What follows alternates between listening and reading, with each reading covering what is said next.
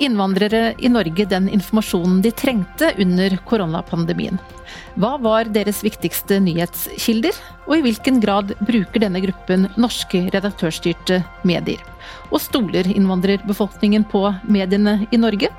Det er spørsmål vi både skal gi noen svar på og diskutere i denne utgaven av Den norske mediepodden.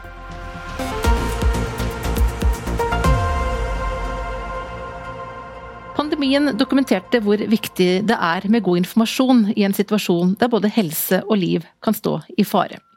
Myndighetene har selvsagt vært en sentral informasjonskilde, med hyppige pressekonferanser og ulike nettsider. De redaktørstyrte mediene har også spilt en viktig rolle, og Medietilsynets undersøkelser viser at nyhetsinteressen og mediebruken ikke overraskende økte under den første delen av pandemien men har en viktig informasjon om smitte og smittevern nådd ut til alle befolkningsgrupper. Medietilsynet, Integrerings- og mangfoldsdirektoratet, Kunnskapsdepartementet og Kulturdepartementet ønsket å finne ut mer om innvandrernes mediebruk under pandemien. Og med bistand fra Rambøll har vi derfor fått utarbeidet en rapport om dette, som gjennom intervjuer med 60 personer fra ulike innvandrergrupper har kartlagt hvordan innvandrerne har fått informasjon under pandemien og hvordan deres mediebruk har vært. Og Christian Dyrkorn, du er business manager i Rambøll, og først kan du si litt mer om hvem de er, disse 60 som dere har eh, snakket med?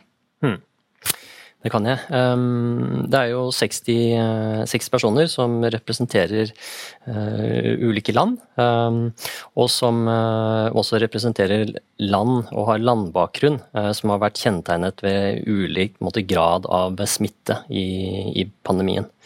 Ehm, så det har vært et viktig kriterium. Ellers så er det en, eh, en, gruppe mennesker som eh, er blitt rekruttert eh, ved hjelp av ulike kanaler.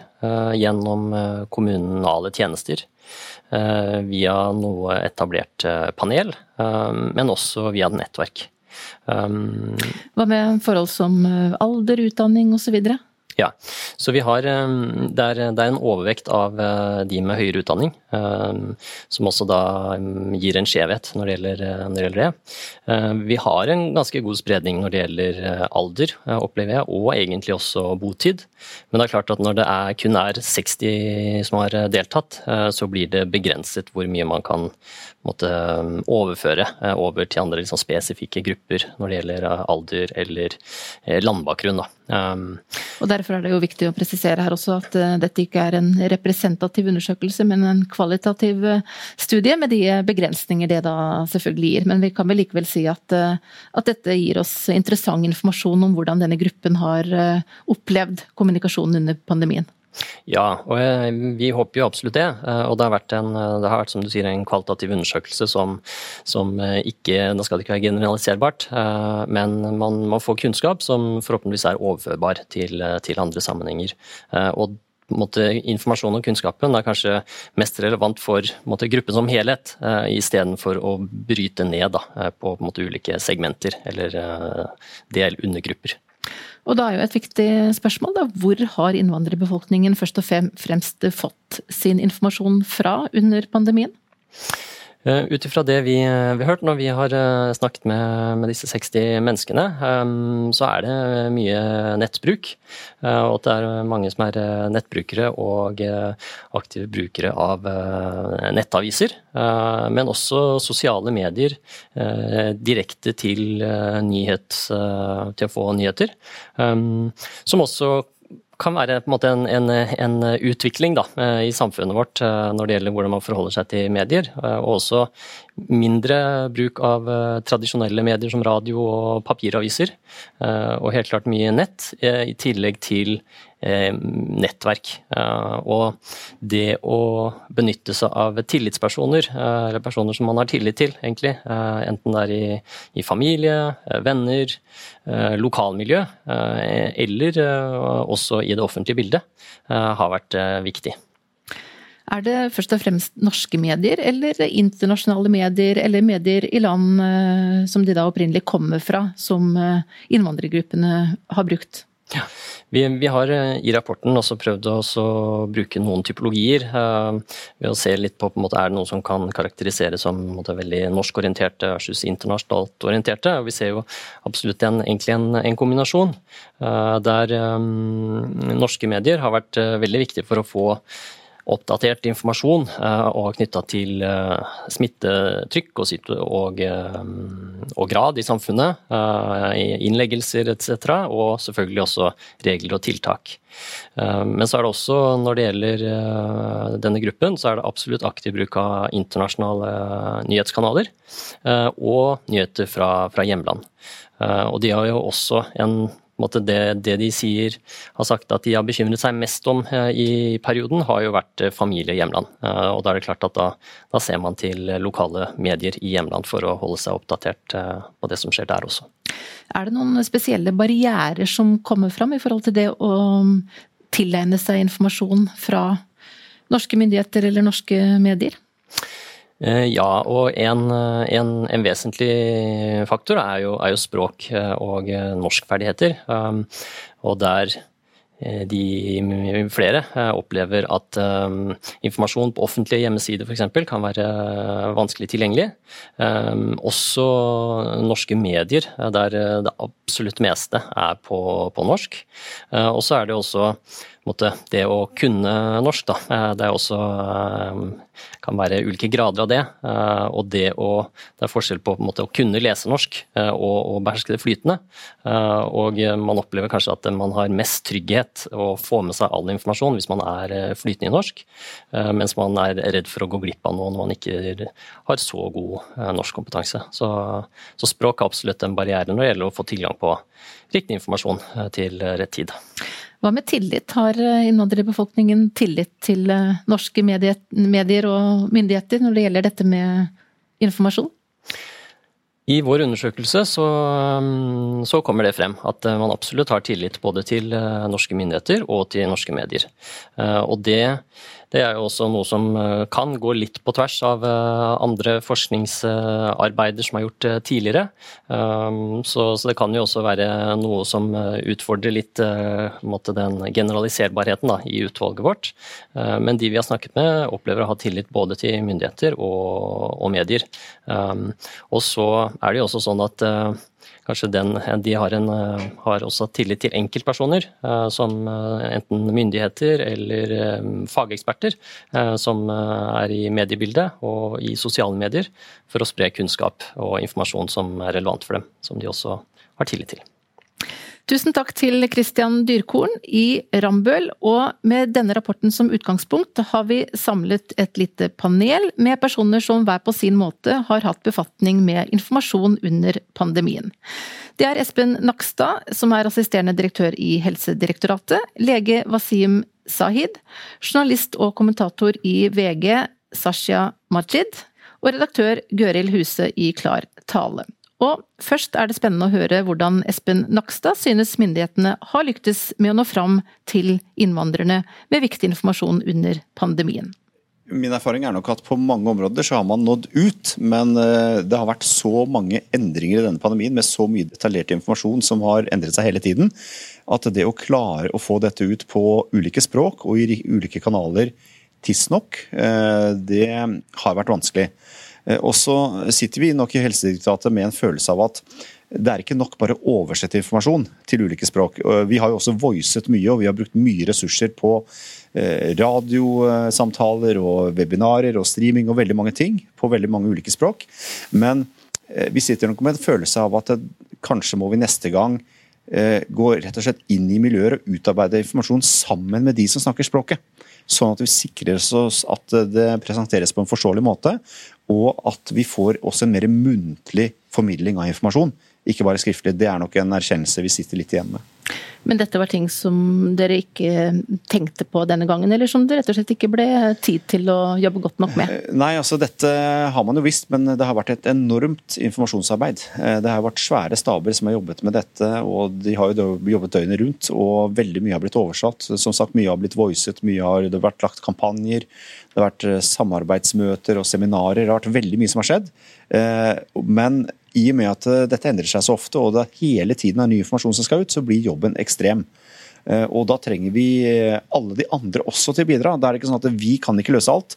Så kommunene, ikke minst, og særlig Oslo kommune, har vært veldig flinke til å jobbe med dette. Og vi har medier og vi har organisasjoner og andre miljøer, også religiøse miljøer, som har bidratt veldig.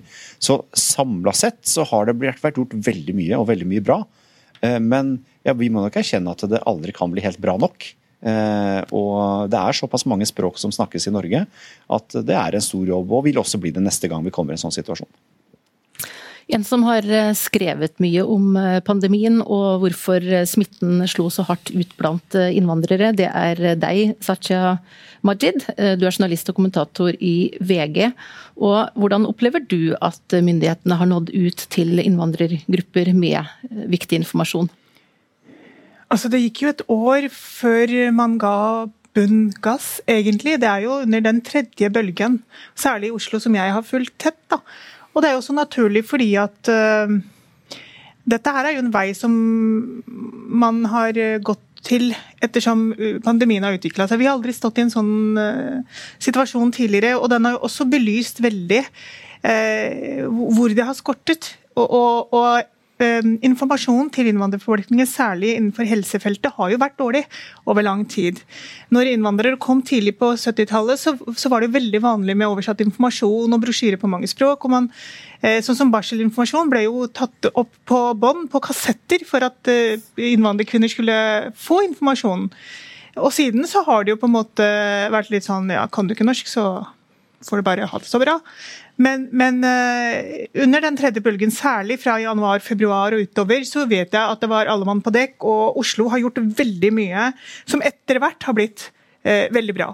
Men som journalist og, og, en som jobber med kommunikasjon daglig, så slet jeg med å forstå hva var det som gjaldt akkurat nå. Det var der jeg tror at de, den største Um, forskjellen oppsto, var når informasjonen kom så tett, så ofte, og det var lange pressekonferanser, og så fikk ikke pressen uh, Jeg husker at jeg tok det opp på en eller annen pressekonferanse, eller med Espen kanskje, jeg husker ikke. at vi må jo få hovedpunktene uh, presentert før pressekonferansen, sånn at de kan gå ut, enn at vi som journalister må følge med og notere oss og så formidle det. For det blir gjerne veld, veldig sånn krokkete og lange setninger og den type ting. Da. Men Var dette mer generelt, tenker du, eller var det spesifikt eh, når det gjelder informasjon da, til innvandrere?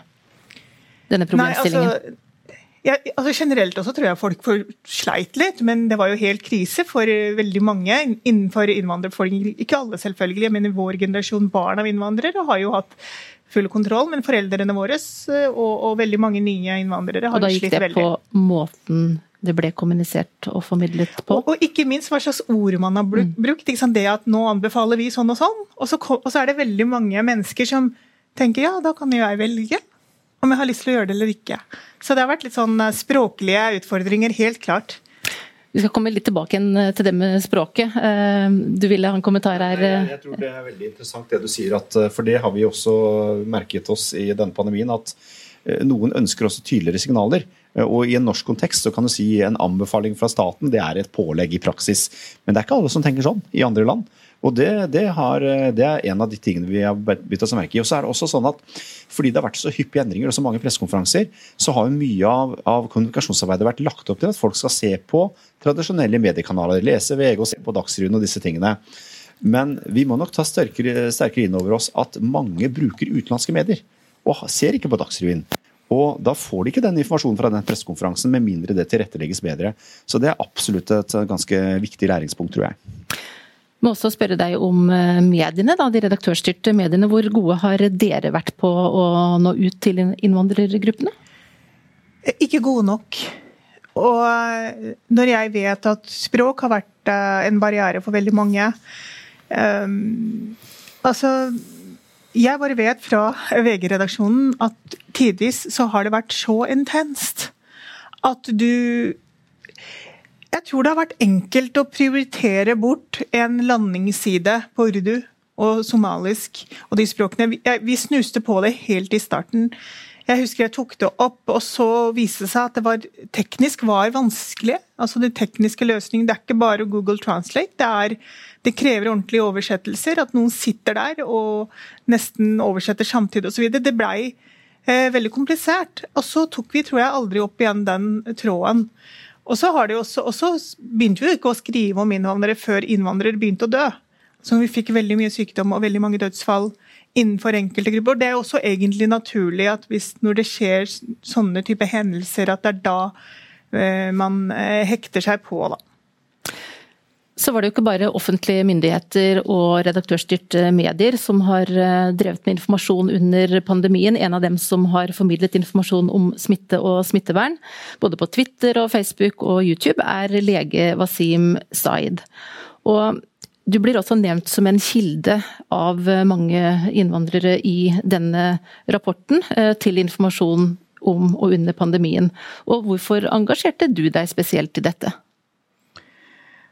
Eh, for meg så var det naturlig. Jeg har i flere år jobbet med formidling på sosiale medier og også tradisjonelle medier. og om helsestoff, og det har jo ikke vært noe annet større helserelatert stoff i verden de siste, de siste året, de siste par årene. Så var det naturlig for meg å, å lage informasjon om det. Eh, og Det var jo i starten et veldig stort informasjonsbehov. Folk ville vite altså hva som helst. Et eller annet, høre en eller annen fagperson gi noe visshet, slik at man fikk noe på en måte sikkerhet i all denne uvissheten som rådet. Og så oppdaget jo jeg også tidlig at det var også et informasjonsbehov for de som ikke snakket norsk. Og for meg, som da har urdu som et av mine morsmål, så var det naturlig å, å, lage innhold på det også. Og prøve å nå ut med informasjon. Det er det språket som har vært din viktigste nøkkel for å nå ut? Det og at du har et navn som folk har tillit til. Eh, jeg tror det hjelper veldig at de, eh, hvis de vet at okay, dette her er en, en fagperson som, som, vet hva han snakker om, og, og de har tillit til det, så blir det også lettere å nå ut. En eh, utfordring som flere har nevnt i denne studien, er jo nettopp språket, som da er en utfordring for å nå ut til innvandrergruppene. Og det er mange som leser norske nettsider og nyheter på nett, men som sliter med å forstå innholdet. Og Gøril Huse, du er redaktør i Klar tale, som er Norges eneste lettleste nyhetsavis. Og hva tenker du om denne kritikken? Jeg syns jo at den er berettiget, for det har virkelig vært vanskelig eh, måten man har kommunisert på, eh, spesielt i starten. Altså, Innvandringsgruppen er så mangfoldig. Vi lager jo lettlest innhold og skal treffe alle med lese- og skriveutfordringer. Så det gjelder jo ikke bare innvandrere, men det gjelder alle som har behov for lettlest informasjon. Og så kommer man eh, med en pressekonferanse, og det er ganske tidlig i pandemien, alt er veldig usikkert, og så introduserer man ord som f.eks. kohort, altså har et forskningsbasert eh, kommunikasjon. Som mange er, nordmenn som ikke engang har hørt om det ordet. Det er nettopp det som er poenget. Altså, hvorfor ikke kalle det gruppe? Hvorfor ikke tenke eh, praktisk det som er vanlig å snakke om med en gang? Ja, hvorfor eh, gjorde dere ikke det, Espen Nakstad? Du, jeg kan jo si at jeg er en av de som aldri har sagt den epidemiologiske situasjonen. Jeg har sagt smittesituasjonen helt bevisst. Og jeg har prøvd å snakke som om jeg snakker til en pasient. Vil si at jeg legger helt bort faguttrykk. Men uh, det var nok andre miljøer som brukte veldig disse fagtermene. Og av en eller annen grunn så fikk det gjennomslag. Altså, sånn at kohort ble da, Jeg syns det var veldig pussig at man skulle snakke om kohorter, ikke grupper. Eh, men, eh, men, det er mange paradokser i en pandemi, og det har jo gitt oss et litt rikere språk i ettertid. Da, kan man kanskje si. Vi har jo tross alt forstått det etter hvert. Men, men, men, det er et viktig poeng. Fordi, fordi, det er noe med det at eh, når du snakker til et publikum det er litt sånn som når du disputerer på en doktorgrad. altså Da blir du målt på om du klarer å dra publikum med på mest mulig og lære mest mulig av foredraget ditt. Og et sånt ord som ikke folk forstår, kan gjøre at halvparten detter av lasset. Så, så, det er utrolig viktig å være bevisst på det. Og der har jo alle aktørene her vært for, forbilledlige eh, og på en måte snakket klart og tydelig. Eh, og klar tale har jeg også gitt mange intervjuer til, nettopp fordi at jeg vet at det er så viktig at det blir klart og tydelig. Ja, Gøril, dere er jo opptatt av dette, ikke bare under pandemien, men, eh, men ellers også. Og hva tenker du at dere kan ha å lære både myndighetene og andre medier om dette å gjøre seg forstått? Det handler om at du eh, som medie må bestemme deg hvem som er målgruppa di. Eh, og Hvis du skal nå ut til alle, så må du faktisk tilpasse det innholdet til dem du vil nå. Og Når det gjelder mm, koronapandemien, så handler det jo om faktisk da legge seg på et naturlig muntlig språk. Eh, og at du kanskje har en dialog med dem det gjelder, om det er forstått. Um, og jeg vet også det at vi i Klartale vi ble brukt som en slags mal for alle disse radiokanalene i Oslo som henvender seg til innvandrere på sitt morsmål. For vi satt og fulgte pressekonferansen og skrev så fort vi kunne og forenklet der. Og så brukte de den oversettelsen til å formidle på sitt språk. Det var raskere enn det FHI klarte å komme med sin oppdaterte informasjon. Den kom dagen etterpå. Og det er klart at Her har vi veldig mye å lære i den prosessen. Og jeg tror at klart Vi er en veldig liten avis, men alle de andre mediene har jo kjempemye å vinne på å faktisk tilpasse ting og lage noe lettere i teksten sin. Og lage egne kortere artikler og enklere artikler. Wasim, du har jo også vært opptatt av eh, dette med språk. og Hva har vært viktig for deg i måten du har kommunisert på for å nå ut? Ja, det er sånn som Espen sier, at jeg eh, er veldig opptatt av kommunikasjon. og i det ligger at eh, det er, Kommunikasjon er jo på mange måter overføring av informasjon mellom mennesker. Og, og da, Hvis kommunikasjon skal være god, så forutsetter det jo at informasjon er overført og tatt imot av den som skal ta imot. Så Det har jeg eh, veldig fokus på og prøver å formidle på en sånn måte. akkurat sånn som Espen sier, Jeg prøver å snakke som om jeg snakker til en pasient som ikke er en fagperson, og bryter det ned. og Mitt motto er jo at det er ingenting som er så avansert at det ikke ikke kan forklares på en så enkel måte at det kan forstås av hvem som helst. Eh, så Det er jo det å bryte ned på en slik måte uten å fordumme det, men eh, prøve å eh, forsikre meg om at mottakeren tar det imot og har nytte av det. Dere som jobber i mediene, burde mediene også publisert informasjon på flere språk, for på den måten å nå ut til innvandrergrupper? Jeg tenker jo at Myndighetene hadde sin jobb å gjøre, og jeg mener at etter hvert så gjorde de en god jobb. Jeg fulgte jo eh, Oslo veldig tett, og jeg så hvilken enorm innsats som ble lagt i det arbeidet etter hvert. Eh, pressen syns jeg har vært for dårlig.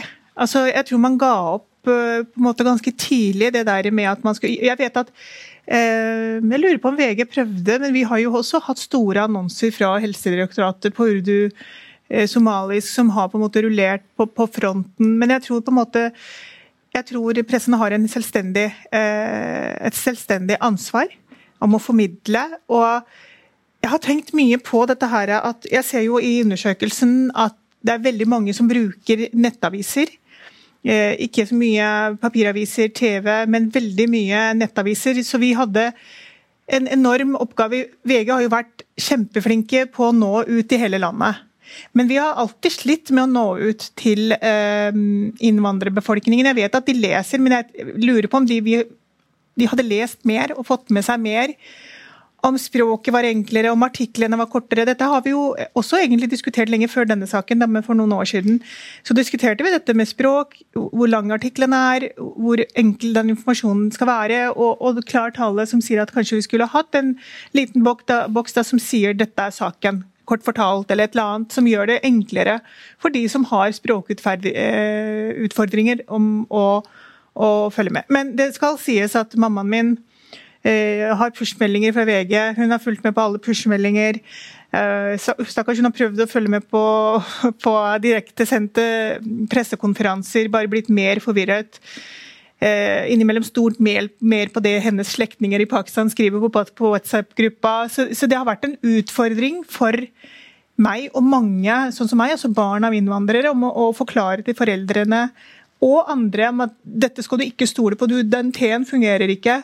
Sånn, sånn, sånn ja, for det er jo sånn at eh, som du sier, Mange sier at de har brukt eh, nettaviser, men det er også mange som sier at de har brukt sosiale medier som eh, kilde til informasjon under pandemien.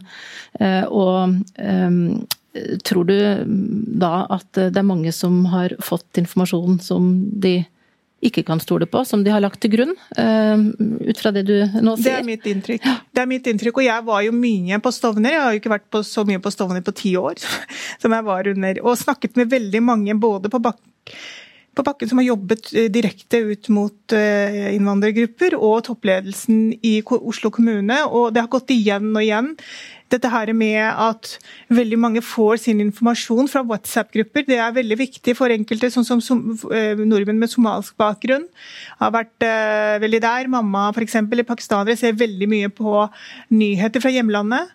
Uh, så, så det har vært en stor utfordring. Jeg vet at i denne krisen så har innvandrere hatt stor tillit til norske medier. Men det er i denne krisen. Men samtidig så har de blitt, utfordringen har vært at de har blitt forvirret.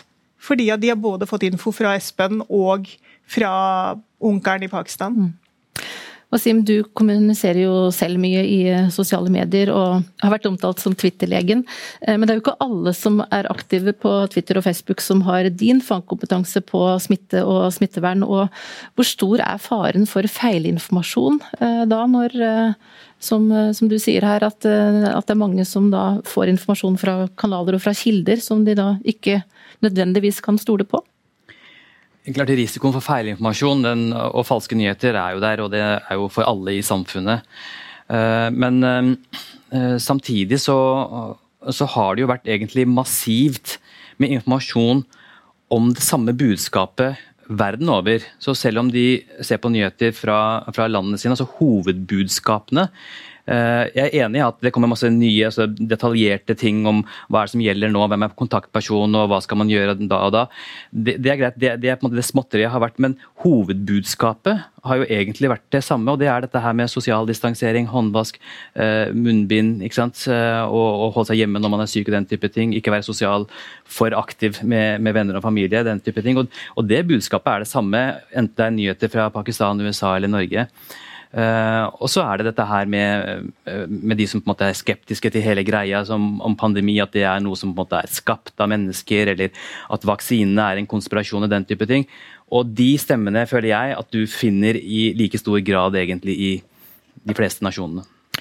Espen Akstad, I hvilken grad har dere fra helsemyndighetenes eh, side opplevd det som et problem med desinformasjon? Eh, og, og, falsk informasjon da, i uh, sosiale medier f.eks. Det er som Wasim sier at dette har jo vært en utfordring i hele verden. altså Fake news eh, er jo et begrep som har kommet bare de siste årene. Deepfake har kommet nå, ikke sant? Altså, så dette har jo Gud veit hvor det ender. Men, men men uh, det har samtidig vært et så massivt trøkk i mainstream media i hele verden med veldig like budskap tross alt etter hvert, som gjør at du kan ikke unngå å ha fått med deg det. Uh, sånn uansett. Men det som er litt utfordring her, uh, bortsett fra det språklige, det er jo at, at informasjonsmengden er jo også så stor. Sånn at du har mainstream, og så har du sosiale medier. og Hvis du i tillegg da følger media i ditt hjemland, så har liksom tre enorme informasjonskanaler som bombarderer deg med masse nyanser. sånn at Det er av den grunn også litt vanskelig. Og Da trenger du noen som kan moderere og forenkle litt. Og, og En gang i framtiden vil vi antagelig få applikasjoner som gjør at vi kan lese alle verdens aviser på vårt eget språk, veldig godt oversatt, nesten direkte sannsynligvis om noen år. Eh, og Da vil jo informasjonsstrømmen bli enda større. sånn at Det er både språklig, en språklig utfordring, men også en utfordring å få snevret det ned. Og Da tror jeg de som kan språket selv, Eh, og har det som morsmål, er best til å snevre ned og formidle det språklig sett til en målgruppe. Jeg tror et veldig godt eksempel på informasjonsgapet, eller at man får ulike eh, impulser fra f.eks. Norge og Pakistan, Pakistan kjenner jeg best, og blir forvirret, er jo det som skjedde i fjor, desember i fjor. Eh, hvor smittetrykket økte i Norge. Eh, vi fikk veldig mange flere på sykehusene. Og så var det ganske greit i Pakistan. Det var i hvert fall det inntrykket som var. Og det var veldig mange pakistanere, eller ikke veldig mange, men for mange, som reiste ned midt under eh, liksom, oppseilingen til bølge tre. Og eh, flere har aldri kommet hjem igjen. Eh, og vi måtte jo, Det var jo nesten på nippet til at vi måtte gjemme passet til mamma. for hun var jo, Men det er jo bra i Pakistan, hvorfor kan ikke jeg bare dra ned dit? Og Det er jo en sånn situasjon vi sto i, hvor norske myndigheter var veldig tydelige på at du får ikke lov å reise. det ikke lov, men det er anbefalt å ikke reise. Ikke og de tror at ja, men vi kan jo reise, egentlig. Så, så, det var veldig konkret. Og så tror jeg altså Vi så en endring i det her eh, når eh, smitten eksploderte i India. Det er da det gikk opp for veldig mange med innvandrerbakgrunn, eh, her i Oslo spesielt, at det var blodig alvor. Og så begynte jo selvfølgelig også vi å se dette her i Oslo, og veldig mange som ble syke. Og jeg tror det har hatt en vel så stor effekt som kommunikasjonen fra myndighetene og fra mediene. At man faktisk opplevde pandemien mye mer direkte på kroppen enn noen annen gruppe i samfunnet. I denne studien så er det også en del som gir uttrykk for at de mener at norske medier skriver for mye om lokale og nasjonale forhold, og er for lite opptatt av det som skjer internasjonalt. Eh, og derfor da ikke fyller alle informasjonsbehov. Eh, og dere to som er med oss fra pressen, hva sier dere til eh, den tilbakemeldingen? Jeg tenker jo at det kommer jo an på avisen her man er. Det er jo helt naturlig at lokalavisen skriver om om det som skjer lokalt, samtidig som du har det store nasjonale nyhetsbildet i de største avisene. Eh, men jeg tror også det er sånn at de norske avisene var flinke til å ha et internasjonalt fokus. Eh, jeg kan jo bare snakke for oss selv. Vi kan ikke dekke alle land samtidig, men det var noe eh, Vi var først ute med den første norske tilfellet i Spania og fulgte det tett fordi vi har mangfoldskompetanse nettopp på Spania og Italia. Og mange av redaksjoner sitter jo med direkte kontakt til andre land. Der henter man de store historiene. Men du kan jo ikke i en sånn situasjon følge like tett på utviklingen i Brasil, hvordan det eksploderte, som det du gjør i detalj i Norge. Det er jo helt naturlig.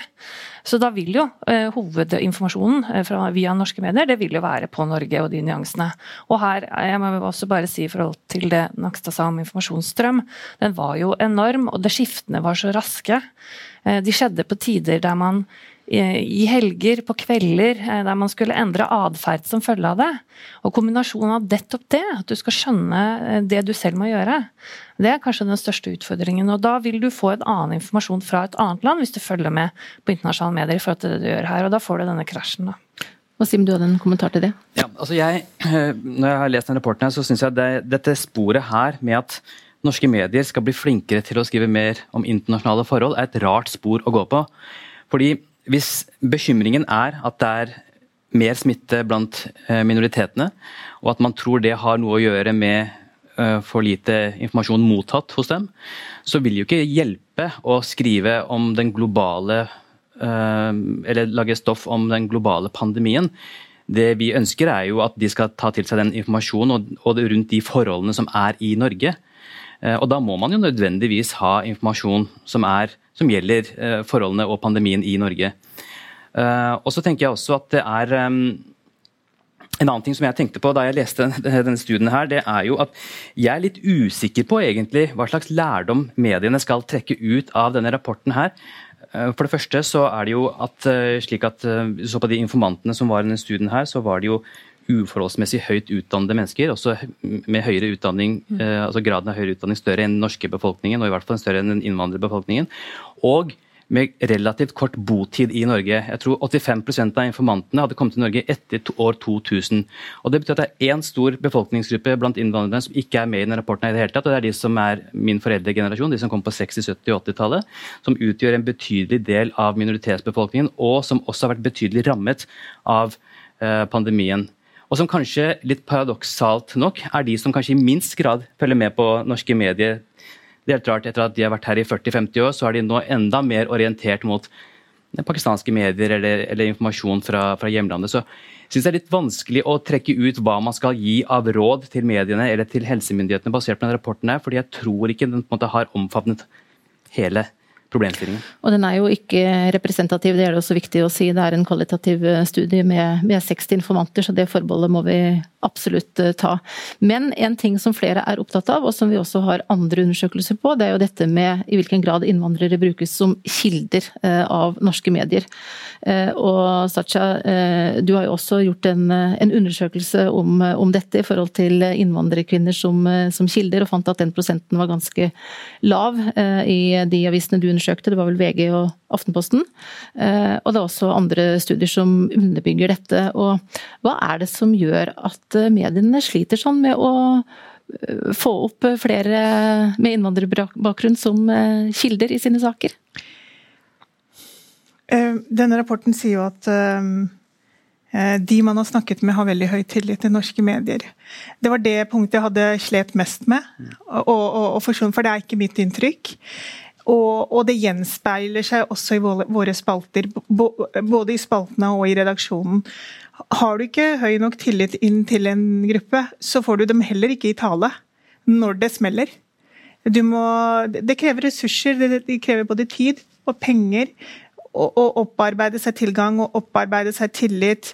Og gå inn i miljøer, sånn at når det smeller, så får du liksom førstehåndskunnskap. De er der, de forteller deg. Så det er vanskelig rett og slett å nå ut til, eller finne de gode kildene i uh, Det er en del av problemet. Det andre, den andre mer vesentlige, men like vesentlige del av problemet er jo at vi ikke har god nok mangfoldskompetanse i norske medier. Jeg husker når jeg begynte å skrive om um, Stovner og det som foregikk med innvandrerbefolkningen, så var jeg på en måte blant en av de som var først ute med det. Før meg så tror jeg på Aftenposten hadde denne saken med tittelen 'Innvandrersmitte'. En skip um, blunder av Aftenposten.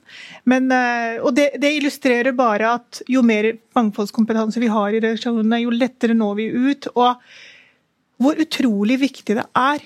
Det så vi et veldig godt eksempel på i pandemien. Ikke sant? Når vi, ikke, vi, var ikke, vi, var ikke, på tidlig nok. Og, og hvis man tar den tanken helt ut, så kunne vi kanskje reddet liv og helse hvis vi var bedre på å belyse hvor det faktisk brenner nå. Men Hva er det viktigste dere i mediene bør gjøre nå, da, for å gjøre noe med dette? Jeg tror det er fint. Eh, jeg kan bare, jeg kan bare si at jeg tror det som er positivt, er at eh, alle innvandrere har fått et forhold til norske medier. Et positivt forhold fordi at de har fått hentet veldig mye informasjon fra norske medier. Om de har klart å kommunisere eller på en måte ta det til seg eller ikke, men de har vært på. Og jeg tror det er et momentum. Og Samtidig så vet jeg at norske medier nå jobber for fullt for å få inn flere med mangfoldig kompetanse. Så vi er på rett vei. Det er bare det at det tar så innmari lang tid. Gøril, hva tenker du? Det var nettopp dette med mangfoldskompetanse. Kulturelt mangfold. Eh, det er jo veldig sammensatt. Men å øke den vil eh, øke antall kilder. Men vi må ha en bevissthet eh, i hvordan vi jobber, og jeg tror som journalister. Og jeg tror også at vi skal tørre alle journalister å stille eh, spørsmål, kall det de dumme spørsmålene, de enkle spørsmålene, til alle vi møter, eh, for å sikre at alle forstår. Men akkurat på, på mangfold så er vi jo for dårlig. Men det arbeidet som er satt i gang nå, er fantastisk. Jeg tror det kommer til å bære frukter veldig snart. Men det er klart at man har et helt annet blikk på en problemstilling med en annen mangfoldsbakgrunn enn det man har hvis man ikke er en del av det. Wasim, du har jo kontakt med mange i innvandrerbefolkningen. Har du eh, noe godt råd til eh, disse som her representerer mediene? Nei, det, ikke, ikke noe mer ut av det som er sagt. Men en ting som jeg merket meg eh, da jeg leste denne rapporten her og For det første så tror jeg det er ikke slik at når det gjelder smittespredning og sykdom, så er det noe som kun løses ved bedre informasjon. God informasjon er en del av det. Men da jeg leste denne rapporten, her, så syns jeg at det slo imot meg at her er det et annet uh, stort spørsmål. Altså det, og det er dette som har med sosial klasse å gjøre. Uh, sosioøkonomisk status. Og, og, det henger også tett sammen med både kanskje evnen og viljen til å ta imot informasjon, og også forvalte informasjon og bruke den informasjonen til noe nyttig. Og Det er jo ikke et problem man får løst kun ved bedre informasjon. Der er det snakk om store samfunnsstrukturer og utjevning av sosiale forskjeller og den type ting, som over tid vil gi effekt. Og så synes jeg det er veldig viktig, som du sier, at man har medier som har eh, personer som man kan identifisere seg med. Eh, norske medielandskapet er faktisk ganske hvitt. Hvis du ser på spesielt underholdningsbransjen, de mest populære TV-programmene på NRK og TV 2 de er ganske homogene. Eh, hvite homogene. Og Da jeg vokste opp på 90-tallet, 80-90-tallet, så var det sånn. Og så ble det en, en stor forandring post 22. juli, hvor man fikk øynene opp for minoriteter, og man fikk eh, programledere med minoritetsbakgrunn og journalister. Og, og, så føler jeg at det har på en måte dabbet litt ned igjen. Så jeg tror det er veldig viktig at hvis man skal ha tillit fra innvandrerbefolkningen og minoritetsbefolkningen til mediene, så er mediene nødt til å reflektere samfunnet også på en bedre måte. Espen Akstad, du får uh, siste ord. Jeg tenker at uh, Her har vi snakket mye om, uh, om, ulike informasjonskanaler som folk bruker og sånne ting. og men det har jo ikke bare med kulturell eller språklig bakgrunn å gjøre. For det er jo faktisk et faktum at i det moderne samfunnet så, så er det sånn at ting er filbasert. Folk eh, trykker og ser det de vil se når de vil se det. Eh, og, og informasjonskildene er enda mer fragmentert, ikke minst med sosiale medier. Så kan du si I denne pandemien så har man kanskje samlet seg litt foran TV-en igjen og, og brukt de store mediene og de redaktørstyrte mediene, heldigvis vil jeg si, i en pandemi. Men når vi er ferdig, mer ferdig med pandemien, så er det klart at eh, framtiden er kanskje enda mer fragmentert. Og da er jo spørsmålet hvordan skal vi da nå fram neste gang? Når folk jo ikke bare bruker medier på ulike språk, men altså på samme språk også, finnes det en, en stor uh, variasjon. Og det med denne tilpasningen og matrisene som ligger til grunn for sosiale medier, hvor du altså fides med informasjon som du, de vet du liker, det er jo også en utfordring som vi ikke har vært inne på her, men som gjør at uh, at det blir vanskelig å dele objektiv, nøytral informasjon. Altså det er jo litt på siden av diskusjonen, men likevel en stor utfordring, faktisk. Fordi disse sosiale mediene de brukes jo på alle språk, de også. I hele verden. Denne samtalen var en del av et digitalt arrangement fra Medietilsynet om rapporten Mediebruk blant innvandrere under pandemien. Og Det arrangementet kan du se i sin helhet på Medietilsynets YouTube-kanal, og selve rapporten er tilgjengelig på våre nettsider. Tusen takk til Espen Nakstad i Helsedirektoratet, lege Wasim Zaid, journalist og kommentator i VG Sasha Majid, og redaktør Gøril Huse i Klar tale. Du har hørt på Den norske mediepodden, og jeg heter Mari Welsand og er direktør i Medietilsynet.